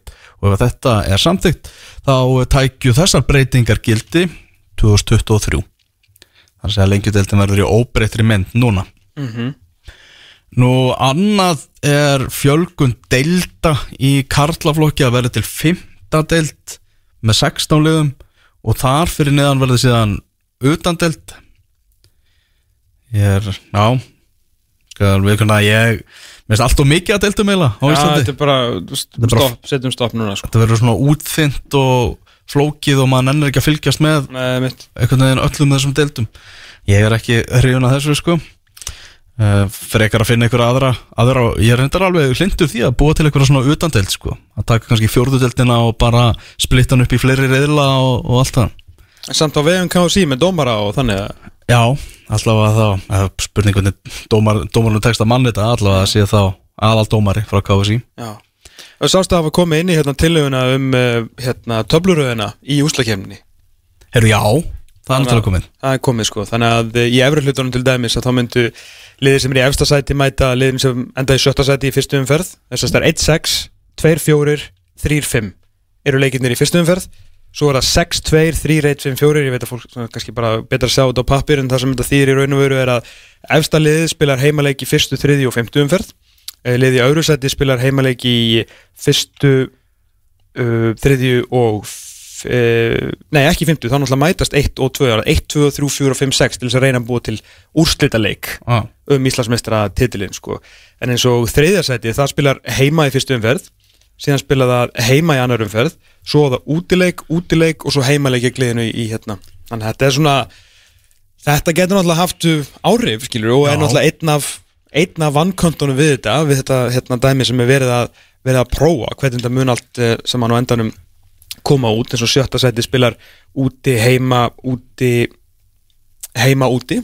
Fær náttúrulega bara, þú veist, þú ert sjötta sæti og fær þar að lendi bara tvo heimaleiki af þessum af þessum fimm, þannig að þetta er eh, þetta, þetta var áhugavert, en 1, 2, 3, 4, 5, 6 í, í lokaðanfyrinni Það er svolítið 5, 6 í sko. Er það eru tvær aðra tilögur en það er byggarkeppni neðri deltakalla sem hefur búið að vera talsvægt í umræðinni. Lagt er til að ásting KSI samþykja að stjórn KSI verið falið að koma að fót byggarkeppni neðri deltakalla þar sem þáttökur rétt eiga. Þau lið sem leika í annari og þriðjudeld, liðin tvö sem fjallu úr þriðjudeld árið áður, auk liða sem endur í þriðja til áttunda sæti fjórðudeldar árið áður. Sérst komist í úsleikefnina Já, þessar breytingar tækju gildi keppnistímabilið 2023 þannig að þetta er því svona já, svona trukkabyggar Býtu þannig að ef þú ert áttunda besta liðið í fjórðudel 2023 að þá getur þú verið að keppa í neðri deltabyggarnum 2024 mm en munurinn á milli liða í sagt, ár frá ári í fjórðudel getur verið eh, á fjórðudeldinni Mhm. getur verið ansi mikill eða ekki? Ó já, það bara fellur út í fyrstu umferð. Já, ég er að segja, þú veist, en þá getur þú bara, þú veist, lið sem að, þú veist, bara svona einhver venslafélug sem getur átt fínt tíumbil og ná áttundasæti getur bara verið eitthvað grín árið eftir en samt átt sæti í byggandum, skilja. Já, já. já. ok. vinnuðu bara einn árið undan Ok. þannig að þetta er, veist, það er sveigurum í leikjaprógraminu fyrir liði þessum deildum sem að falla venjulega fljótlega út úr mjölkubyggatum Mm að, að spila svona í neðri deilda byggar sem að geti þá enda mögulega með úslita leika á laugadalsvelli Já, ekkit annað, til þess er ég minna framrúðu byggjarinn fyrir alltaf fram á Wembley, sko. Já, nákvæmlega Það er náttúrulega part af programmet er að fá daginn sinna á Wembley, eða að okkar Wembley. Já, nákvæmlega uh, Ann önnu til, uh, til að þess að varalið í meistaraflokki Kvenna og það er að uh, félögum verið heimilt að skátilegs varalið í meistaraflokki Kvenna sem hefur þáttugur eftir deildakefni Íslands mótsins en uh, varalið getur ekki unni sér sæti efstu deild, getur fallið hins vegar um deild og varalið og aðalið félags geta ekki leikið í sömu deild. Þetta er svona já, sem að þekkist uh, einhver staðar, hér og þar. Já, já, ég veit ekki með þetta. Er ekki fínt að hinlegin fái kannski leikmenn eða, í staðan fyrir að bara Valur og Breiðablík og Selfoss verða öll bara með 30 menn leikmannhópa og spili bara innbyrðis eða? Mér finnst það mjög góða punktur í það, Thomas. Mjög góður. En það ekki? Jú, ég er, ég er alveg saman að því, sko Já, það er alveg, alveg þannig. Ég meina eins og stelpurnar sem skoruði á móti val í hérna, leiknum sem treyði þeim sigurinn í Reykjavíkubíkarnum Það voru valsara sko sem að hefði ekki fengið mínútur þannig að þú veist þær fóru yfir í þrótt og söktu síðan val. Mm -hmm. Þú veist, Þetta er fallegt að sjá sko. Já, já. En ef þær hefði getað spilað með varaliði vals þá væri vantilega bara þar. Þannig ég veit ekki alveg Ég held að þú þurfur að samfæra mig svolítið mikið um að, að það er að leifa varaliði sko. Já, þurfum að kynna okkur þetta aðeins betur Já. Þurfum aðeins að kíkja á þetta. Það er bara þannig. Herðu, en á línunni Á línunni er engin annar en nýjasti leikmaður Vals Nýjasti leikmaður Íslands deildarinnar Hólmar Örn Eyjólfsson Sæll og blessaður Hólmar Takk fyrir það, Sælir. Blessaður Hvernig, hvernig erum enn í dag? Bara uh, nokkuð góðir, en þið? Her, við erum nefnilega bara mjög góðir uh, voru reyndar ekki að semja við val eins og þú uh, ertu orðin fegin að uh, svona öllu skrifi og skrafi lokið og það er bara komið penna á blað og þú, veist, þú- þessi hluti er búinn Já, mjög. Var einmitt að uh, klára fyrstu æfinguna mína núna og Ok, bara, bara gaman að vera komin inn í þetta og byrja, hérna, byrja að æfa og byrja, byrja að vinna okkar markmið. já, emmitt, emmitt Hvað, hvað er þetta búin að vera langur tími svona, þú veist, í að spjalla við menn um, um málefni og, og áruna og settir hérna, strikki við Sko, ég, ég tók því nú mjög rólega til að byrja með. Senastu leikur hjá okkur var hérna 12. DS en ég var þú sem búin að láta Rosenborg vita fyrir það að ég væri að ég, ég vildi, vildi fara og hérna og það var alveg byrja eitthvað þá veist, bara smá, smá spjall sko. En hérna en ég ákvað að taka mér alveg tími í þetta og vera 100% viss hvað ég, hvað ég vildi gera hvort ég vildi vera áfram úti eða koma heim og, og byrja það líf sko. Já, og hérna og uh, kom síðan að þeirri þeirri niðurstöðu að það væri bara best að flytja heim og, og er bara mjög sátt um það er, af hverju flytti heim 31 árs? Já, það er, það er lungsað en uh, já, máli er bara fjölskyldan flutti heim frá, uh, frá Nóri í, í júni og hérna og aðal ástæðan í rauninni fyrir því ég fór tilbaka til Rosenborg var, sonu minn var nýfættur uh, ég vildi vera á einhver stað sem var gott að vera með fjölskylduna. Mm -hmm. þegar þá tilbaka þangað og svo þegar þau fara heim þá svona fellur þetta svolítið um sjálft sig. Þannig og veist, á mínum aldri, jú, Rosenborg er frábær klubur til að vera hjá ekki spurning og ég er bara þvílíkt þakkláttur fyrir tíminn þar en uh, í minni stöðu þá svona mikið er það bara ekki alveg alveg sens að vera þar áfram. Nei, og náttúrulega þú veist, líka svona spennandi tímar hér heima þú stækja deildina og Valur náttúrulega kom með já, alvöru fótboltaliði búið að vera með það í svolítið langan tíma og náttúrulega aðstöðu sem er vantalega á pari við ímislegt sem þú séð allavega á svona þínum aðtunum mannaferli Já, já, það er bara, það er bara allt til að sérna og mjög, mjög sáttu við það sem ég séð so far, sko. Og þú veist, ja, ég er nú, vissi ekkert með, með mikla, mikla reynslu. Þetta er fyrsti, var að klára fyrsta daginn minn, en so far er þetta bara, lítur þetta mjög vel út. Já, ég hef náttúrulega hinn og þessi lið sem að voru í svona að reyna, reyna við þig eh, fyrstu náttúrulega að borða þarna á Brasir í Kásnes og voru með mjög ánægð með það náttúrulega stórvinnur okkur sem á þann stað sko. Eh, Þannig að eh, vel valið, mjög vel valið að fara til Óla í Kásnesinu en hérna bara ein spurning Háká, er, er það rétt að, að þinn klúpur sem er þó í næstæstu deild hafi, hafi allavega reynd það?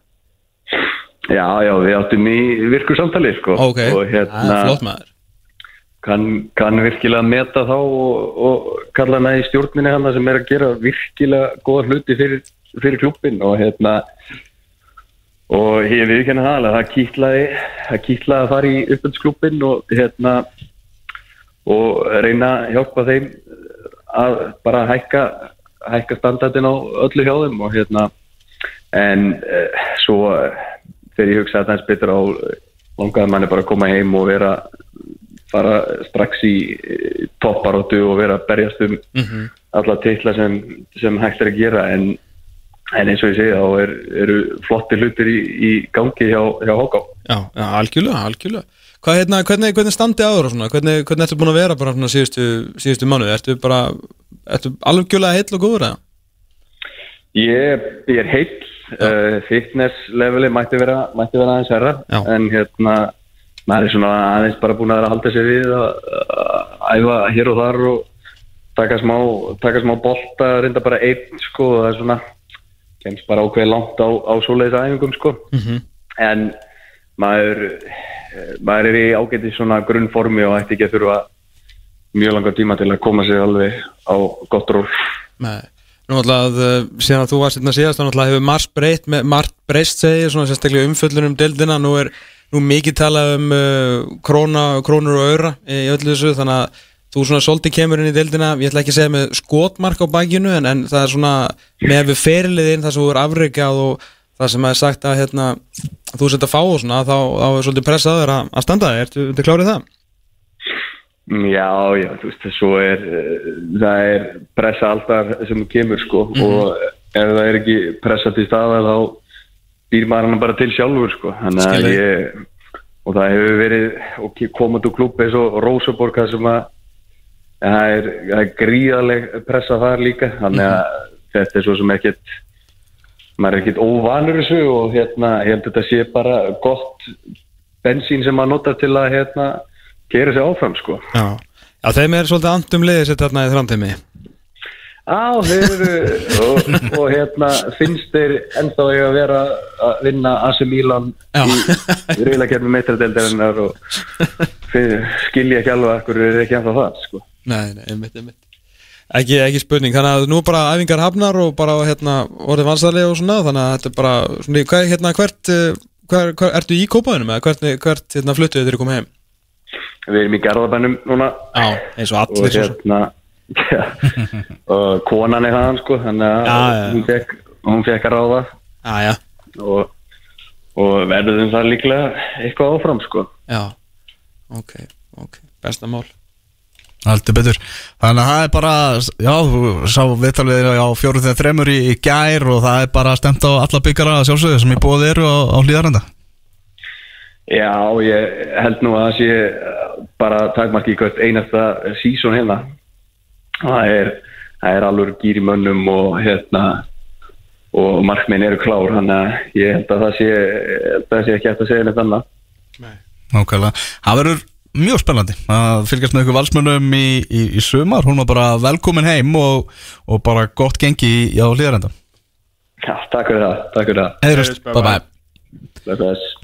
Það held ég, Hólmar Örn Ejjólfsson, uh, varnamaður valsmanna á línunni. Hvernig verður vörnin hjá val? Skipuð, þegar allir eru heilir, allir klárir, stórleiku framöndan. Uh, Birgir uh, Már Sæfarsson, Holmar Örn Eyjálsson, Rasmus uh, Steinberg Kristensen og Kristensen ekki? Nei, okkur er dættin dúmin Heitir hann það ekki? Ha, Rasmus? Ras, Rasmussen einu sannig? Ha, Rasmus Kristensen Maður kalla hann, það var svo mikill íslendingur maður kalla hann bara Rasmus sko. Já, Hérna og uh, þá vantar hann þá leftbacka ekki? það var ekki? Eða þú veist, Orri verður hann nema þeir finnir sér hérna vinstri bakur. Já, nákvæmlega. Þetta er hérna Það er komið þokkaleg breytt, þokkaleg samkjöfnu miðvarastöðunar Já, hann er náttúrulega Sepa bara farin á, á varamannabekkin ef, ef hann á ekki farin á ef hann fyrir ekki inn á miðuna Já, getur verið að, aftur, að fara, hann fara aftur í það hlutverk að vera bara djúpur miðumöður hellund. Algjörlega, vantar kannski svona þeir eru náttúrulega með Haug Pál hann ennþá en þá vantar ennþá þessa, svona, vantar ekki ennþá svolítið svona einhverja spilandi 6, 6, 8 Þetta er ekki eiginlega eina sem að, og vinstri bakvörð? Hvað með hann, hvað með hann Dana hann sem að var á leiðinni að koma þegar hann kom inn? Já, hann uh, var það ekki hafsend? Var það Hafsend? Já, þetta, Já, ok. Minni það? Já, ég veit ekki. Þú, var hann ekki að koma frá AGF Er það ekki, rétt um þér? Jú, Kíkjum á þetta hérna. Uh, Valur að segja leikmann frá AGF í Danmörku. Uh, Já, 33 ára miðvörður Jesper Júlskart og fara að bæta honum þá fjórði miðvörun eða?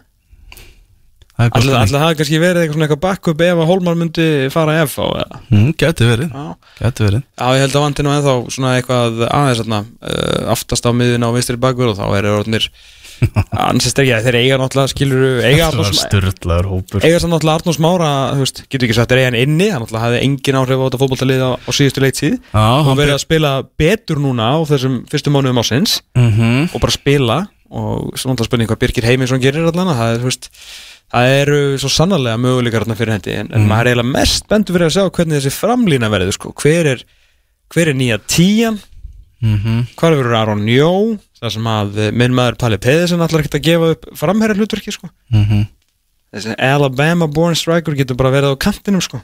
segjum við Pallamenn sko. Það er alltaf að vera að marka þess að deilt vel með þessum öfnum sem er að detta inn í deildina. Og svo annað sem er líka mjög skemmtilegt við hana, þessara nýju Íslandsdeildar og nýja, þetta nýja fyrirkomulag er að öll 11 félögin sem hafa orðið Íslandsmeistarar í fótbolta Mm. eru í deildinni. Já, og leiknir. Og leiknir. Í góðum félagskap Já, raðast akkur og þannig að það er bara allir klúbáðin sem hafa afreika það að verða Íslandsmeistarar eru mættir í efstu deild sko. það er svo við hæfi eitthvað. Það er alveg bilað við hæfi þegar nýja deildin mættir sko. Keflavík, IPVF og Ægs allir svona sem eiga káa Já, það eru allir mættir.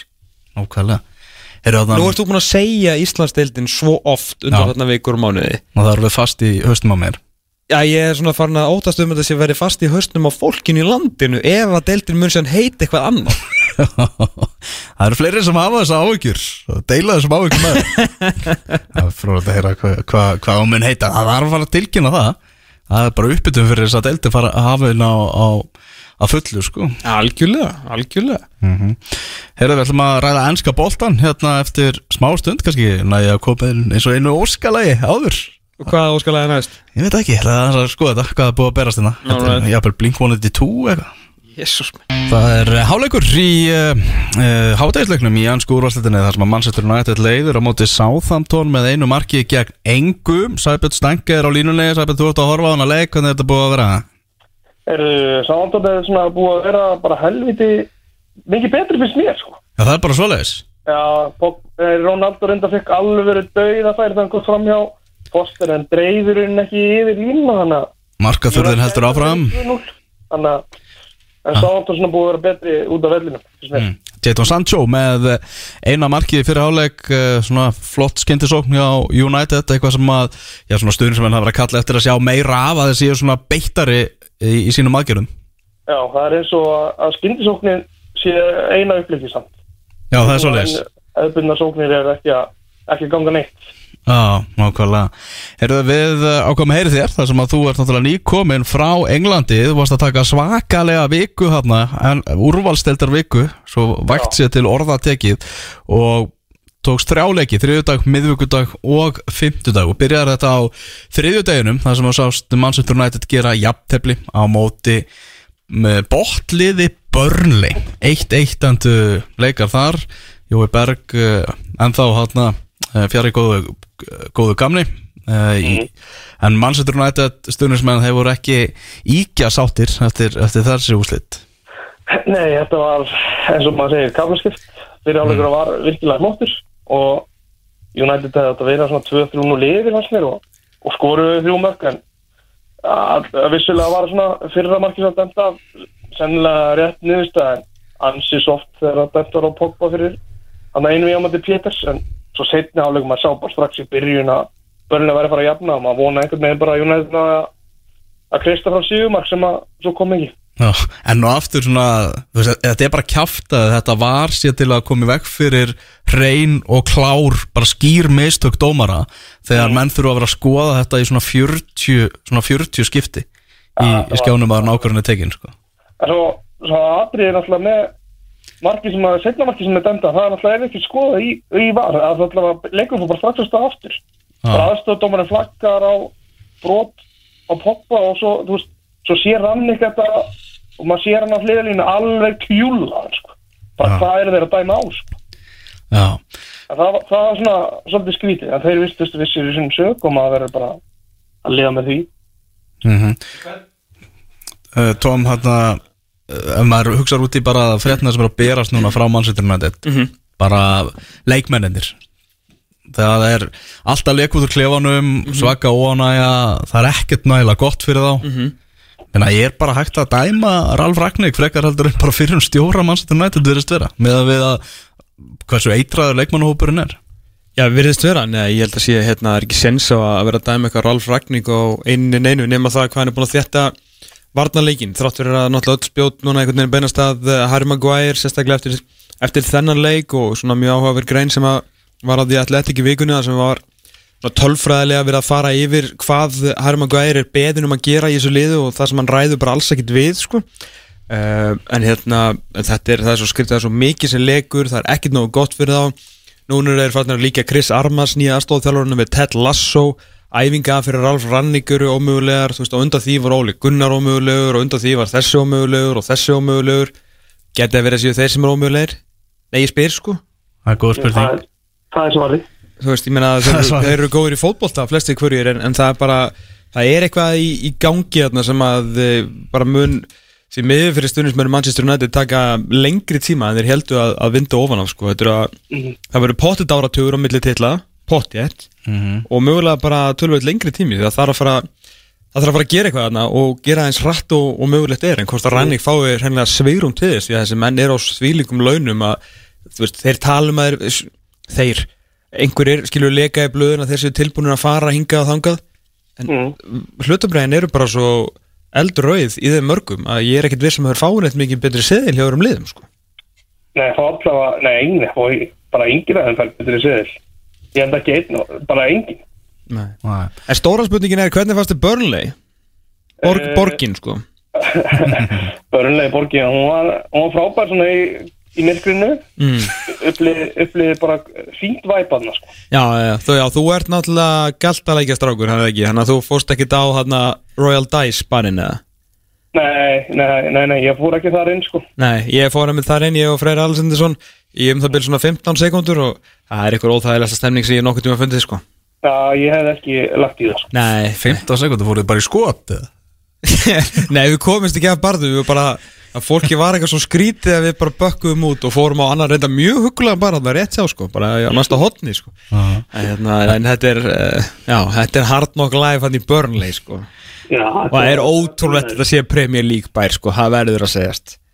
Já, ekki mikið lengur. Nei, já, vekosti mættur, sjá að segja það.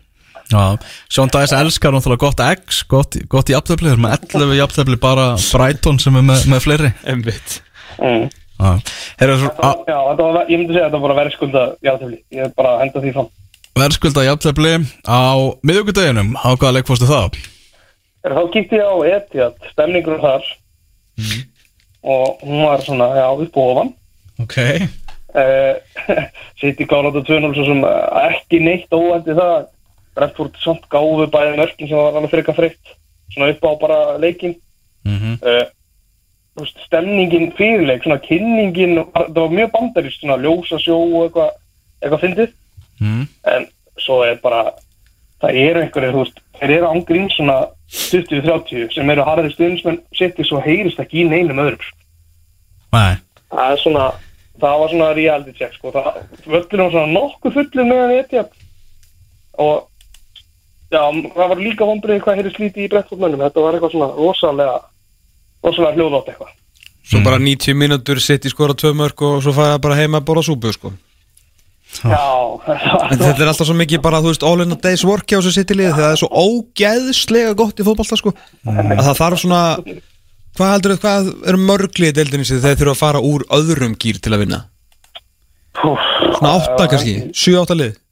Það restina, er svo mörg samt já, ef ekki að gefa þessum liðum efstu svona allan að fara upp úr öðrum gýr sko. þeir taka nú neðri hlutan bara svona að valla þeir nenna þessu valla, sko, þeir eru svo góðir. Já, ég meina að þið bara passa bara skindisögnum út United og getur hent þeim manna í flokkin og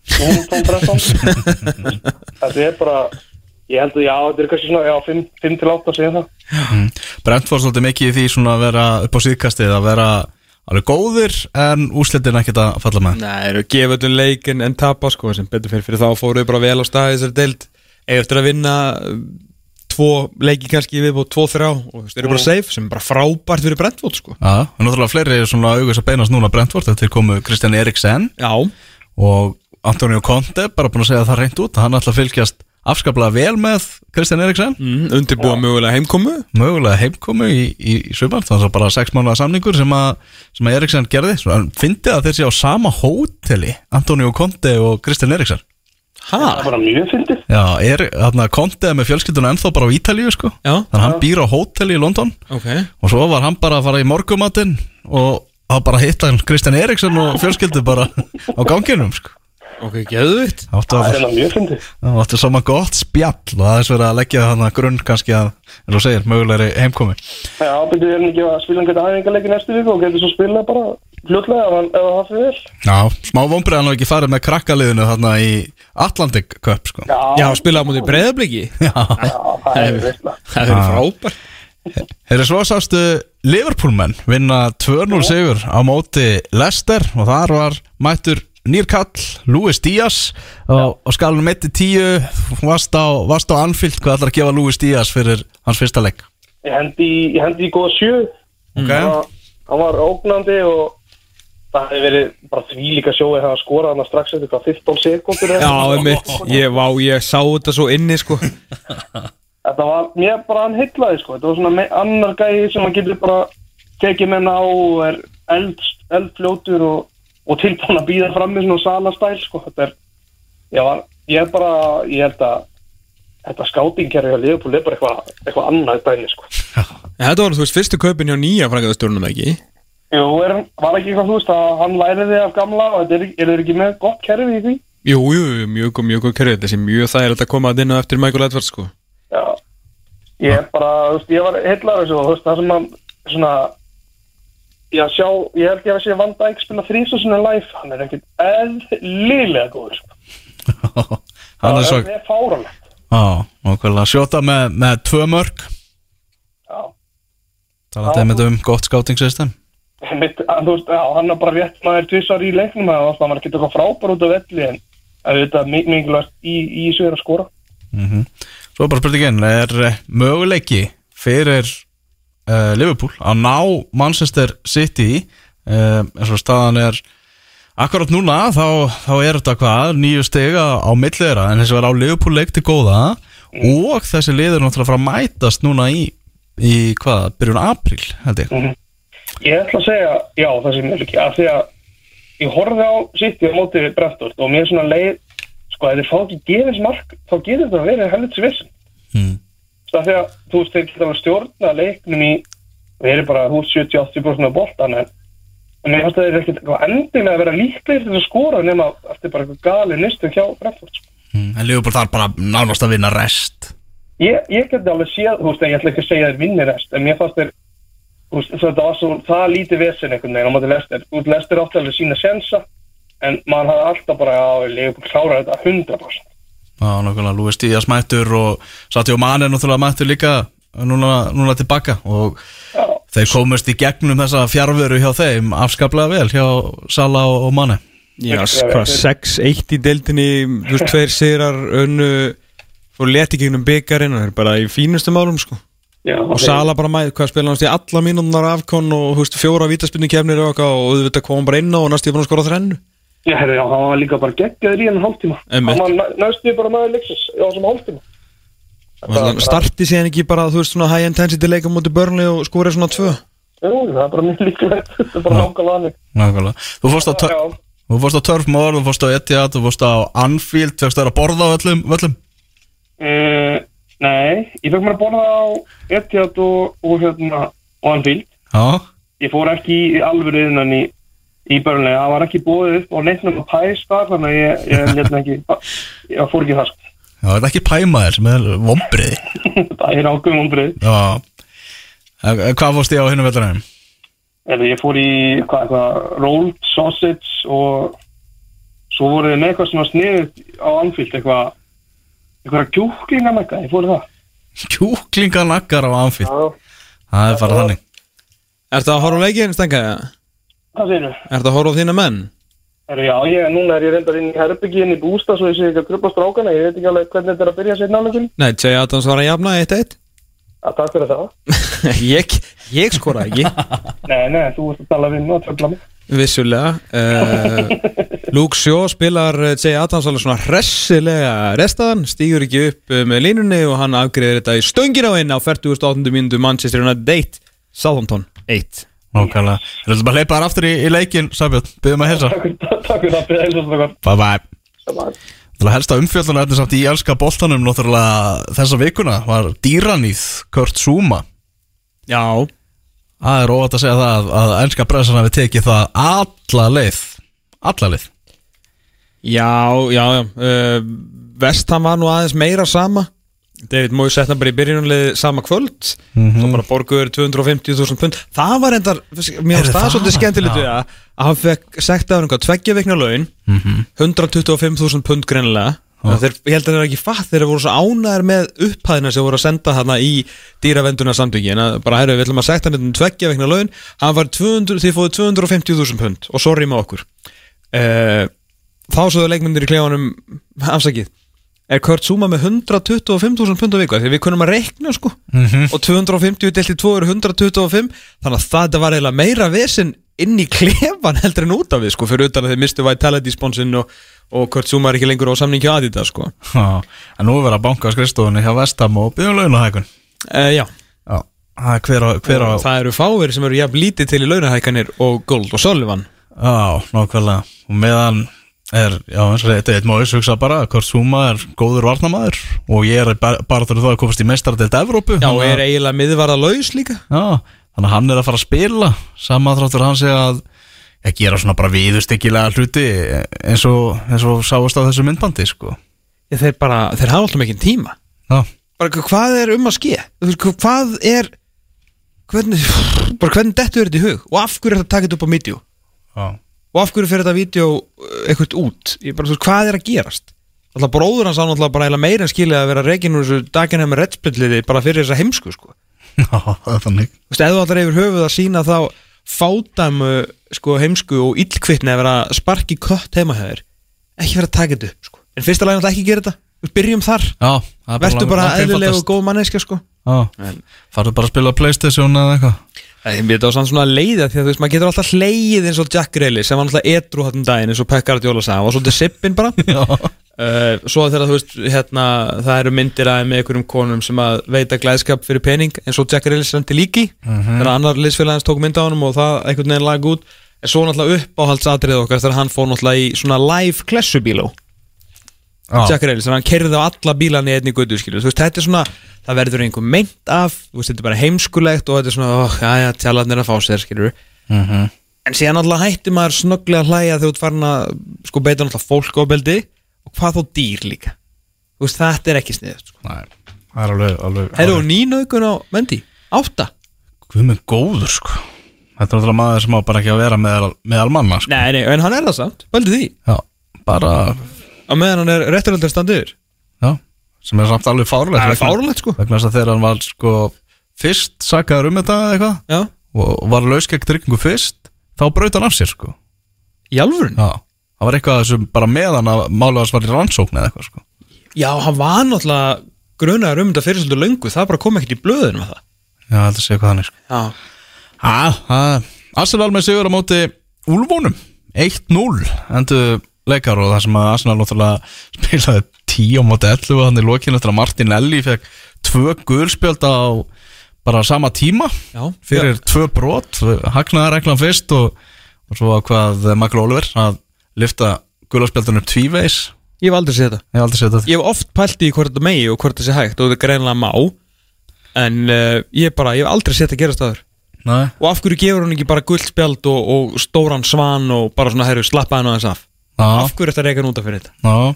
Mér sáum þetta að það var einhvern veginn ég er ekkert vissum að hann hafi farið alveg eftir skýrustu reglum. Michael Oliver hann Nei, svo sá ég eitthvað ekki eitthvað á Twitter á hann að þú veist, þetta hefur gerst áður og Michael Oliver var þá dæma, það var sko tvær tæklingar, ekki eitthvað svona stoppa sókn og hann gerði og gaf bara guldspjald ég veit ekki alveg hvað hann er gegn til að þetta var mjög, mjög sérstætt en þeim mun sterkari sigur hjá Arsenal-liðinu sem hefur ekki farið vel af stað á árunu eh, 2022 á saman tíma og Úlfarnir hafa verið í fantafjöri og Úlfarnir hefur unnið þennan leik hefur þeir svo sannarlega verið bara í alvöru baráttu meistaraldasæti sko -hmm.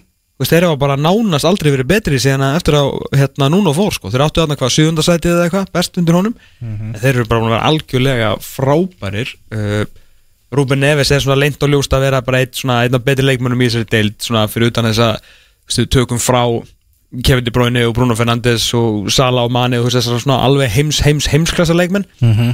Svona þú veist af þessum bara virkilega góðu leikmennum sem getur léttilega tekið skrefið upp í stórulegin þá er Rúben Neves þar held ég svona top 3 á blæði Frábær. Geggjaða leikmaður. Já, algjörlega. Stórkostlegu leikur á uh, Villa Park í Birmingham þar sem Aston Villa og Leeds gerðu 3-3 jafntefli. Mm. sérstaklega stórkostlegur fyrirháleikur Já, sérstaklega þá Svakalegu leikur, náttúrulega maður held bara að Aston Villa myndi klára þetta fyrst að þið voru komin hérna í 3-1 Jacob Ramsey heldur áfram að bara taka þvílíkum framförum.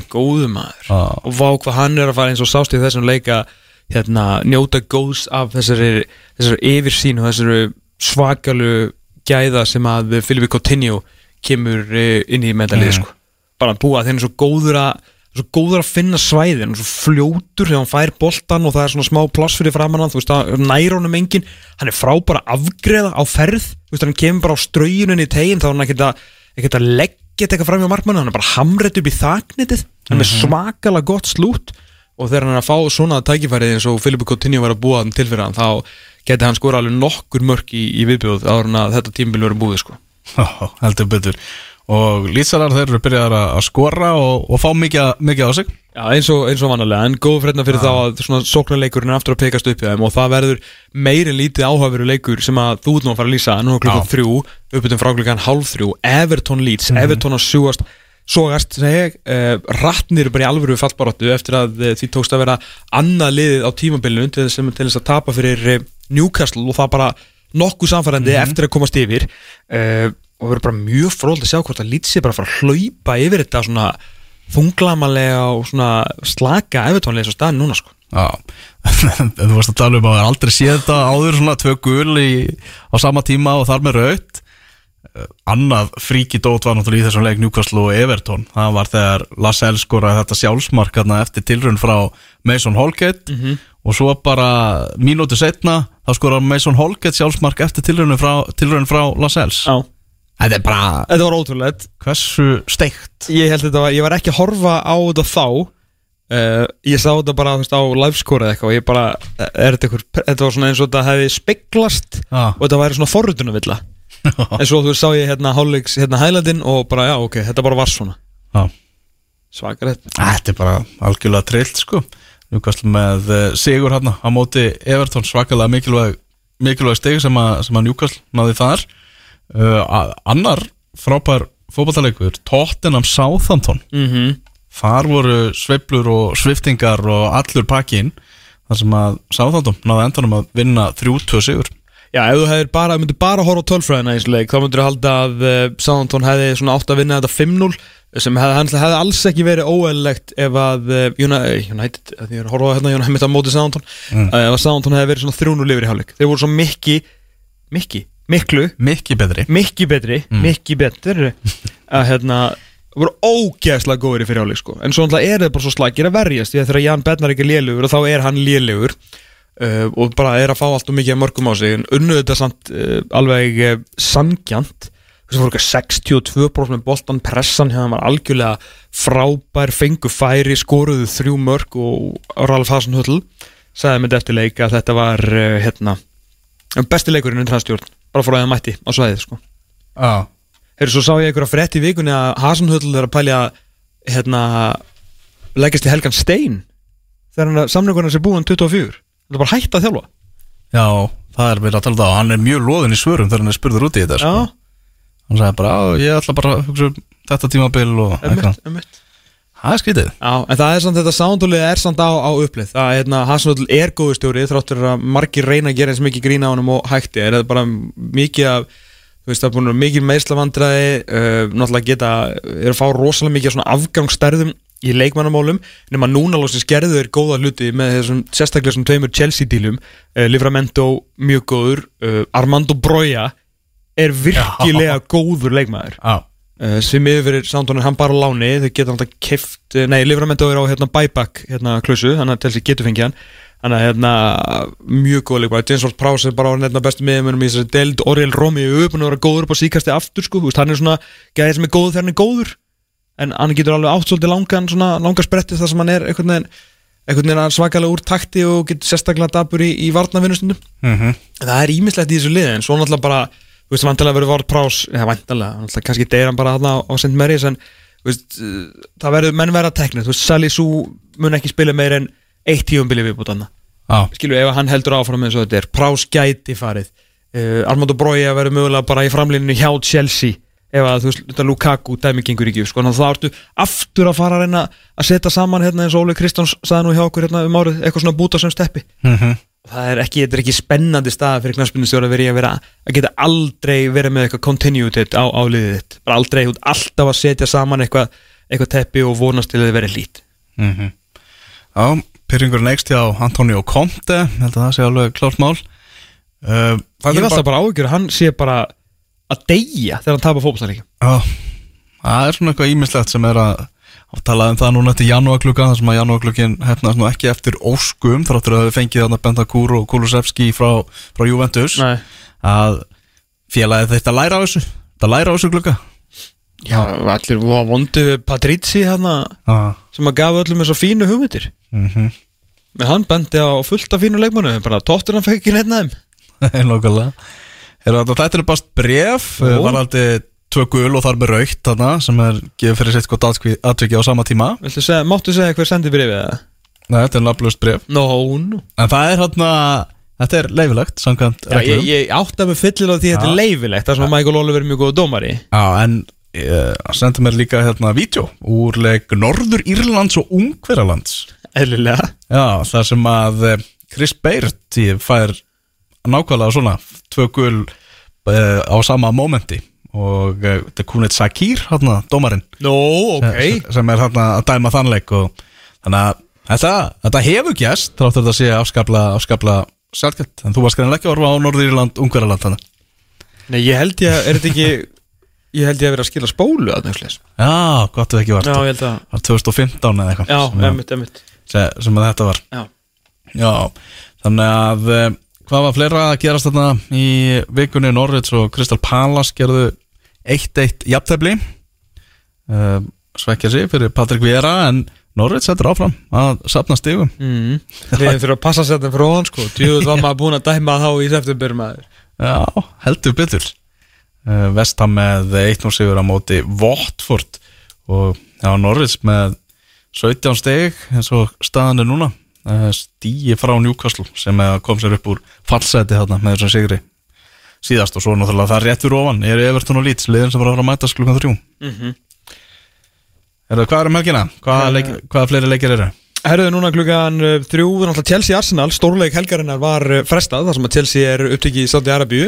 Já, er að keppa núna úslitaleikin í dag á móti Palmeiras frá Brasilíu í HM félagsliða Þetta sá leiku verið klukkan 16.30 Ég held að segja engin íslensk sjómastöðu að veita sem er að sína hann bent Nei.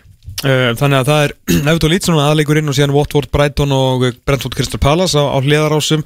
Norvids Manchester City er uh, sittiðisleikurinn svo morgun er nokkuð áhugaverið leikir. Það er Burnley Liverpool, uh, síðan er Newcastle Aston Villa, Já, þetta er klukkan 2 og Tottenham Úlfarnir sem að er svona aftur leikur, Tottenham á nokkra leiki inn en Úlfarnir eru ennþá alveg í veikir vonum mestaraldaba hérna sens, það þeir sérstaklega vinna þennan leik og síðdeist leikurinn síðan uh, Lester sem er náttúrulega heillum horfið þessa dagana gegn Vestam sem að jú er líka í mikill mestaradeldar baróttu sko, hann að uh, áhugaverið leikir sko, að vantar þennan vantar þennan svona stór stórleik en fáum í staðin svona nokkra mjög áhugaverða.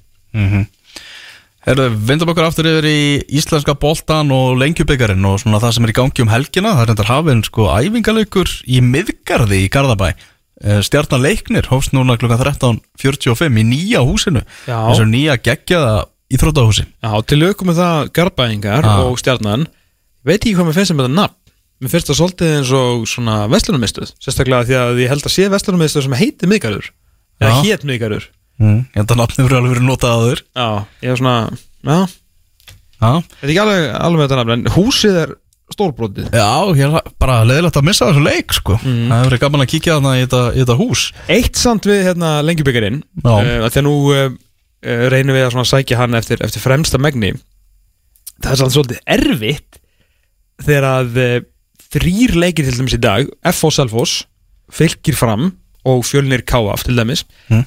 Byrjaði klukkan 11 Já, lengjubikarin var ofta svona kannski þú veist, 2-4-6, 3-5-7 Svona kannski aðeins eftir hátið Lefa fólki að vakna. Já, það er eitthvað lítið lína í því hvernig leikinir eru spilaðir.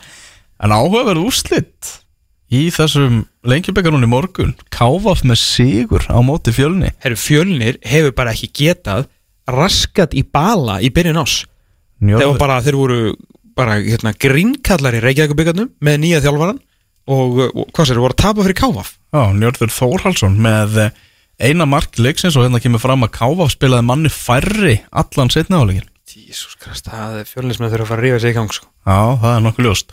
FH með 2-0 sigur á móti selfisingum og þar voru það Gumi Kristjáns og Matti Villa sem að skoruðu mörkin. Ok, og 1-1 endur leikar hjá Fylki og Fram Tiago sem að kom fram yfir. Ok vel og. Dali Ólafsson sem að jafnaði fyrir fylkismenn. Íá Þóra fara að stað í fyrstihúsinu núna klukkan 2 síndu beint á Sindu beint á Stundu Sport, há rétt og uh, það er double header með þess að í dag á Stundu Sport því að uh, bara átt að tvekja gulraliða, Grindavíkur og Káa uh, sem er í beinni einmitt líka í, í fristi húsinu uh, upp á Skaga. Uh, klukkan fjögur þannig að nýta ferðina þar, vel gert hjá sportinu HK IBF eiga síðan við sömulegis klukkan tvö í Kornum og sömulega hérna leikir í lengi del hvenna en á morgun er Valur Gróta, einnig á stöðu sport. Þannig að það er ykkur 40 leikir í beinni og svo er markaþáttur og ég ekki hvað og hvað. Keflavík Kortrengir og Víkingur Þróttur Vógum síðan á, á mánudaginn mm. Herru miðgarður er sveitaballahús í Skagafyrði Já, meðal annars, já. Já, við erum að spila í miðgarði í kvöld. Já, stjarnar verður sett að spila í miðgar í kvöld. Og fá svona uppbytunar aðrið og svona sko. Maður sjá, byrju, miðgar þetta er út um allt sko. Miðgarður og Selfossi líka. Miðgarður, shopping mallin Selfoss, hvað var ég að segja? Þetta er, þetta er greinlega bara heitast á nafni í bænum sko. Já. Já, já, veistu, veistu hvað er í miðgarði á Selfossi? Nei. Rækarastofa Kjartans Björnssonar. Já, það er miðgarði. Já, já, Já, húsið þarna. Já, þar er Kjartan Björnsson að að alveg nýja kynslu og Arsenal-manna. Já, Rækari minni frá Selfossi með hverjum heldur hann haldið enska Arsenal. Hárið Allir á Selfossi, halda með Arsenal. Hljóðmaðurinn okkar er frá Selfossi. Veistu hvað með hverjum heldur? uh, Arsenal. Það er rétt. Já Það er þannig. Heyrðu, United 1, Southampton 1, 65 á klukkunni þar. Heldur betur uh, ná að gerast í enska í dag og þessi leikir í leikjubikauðum ég held að ég og Elvar séum bara tæmdir. Við ætlum að vonast til þess, vonast til þess að geta verið hér með uh, frambjóndur til formannskjáðs í næsta lögada og fara hans yfir máli með þeim fyrir hvað þau standa, hvað þau ætla að gera á kjörtímabilinu spennandi. og hver framtíð uh, íslenskar knaspinnu er. Verður vonandi staðfist í vikunni hvort að þetta gangi upp. En þanga til verðum við hérna eftir 6 daga og 22 tíma. Þanga til, verðið sæl. Bye bye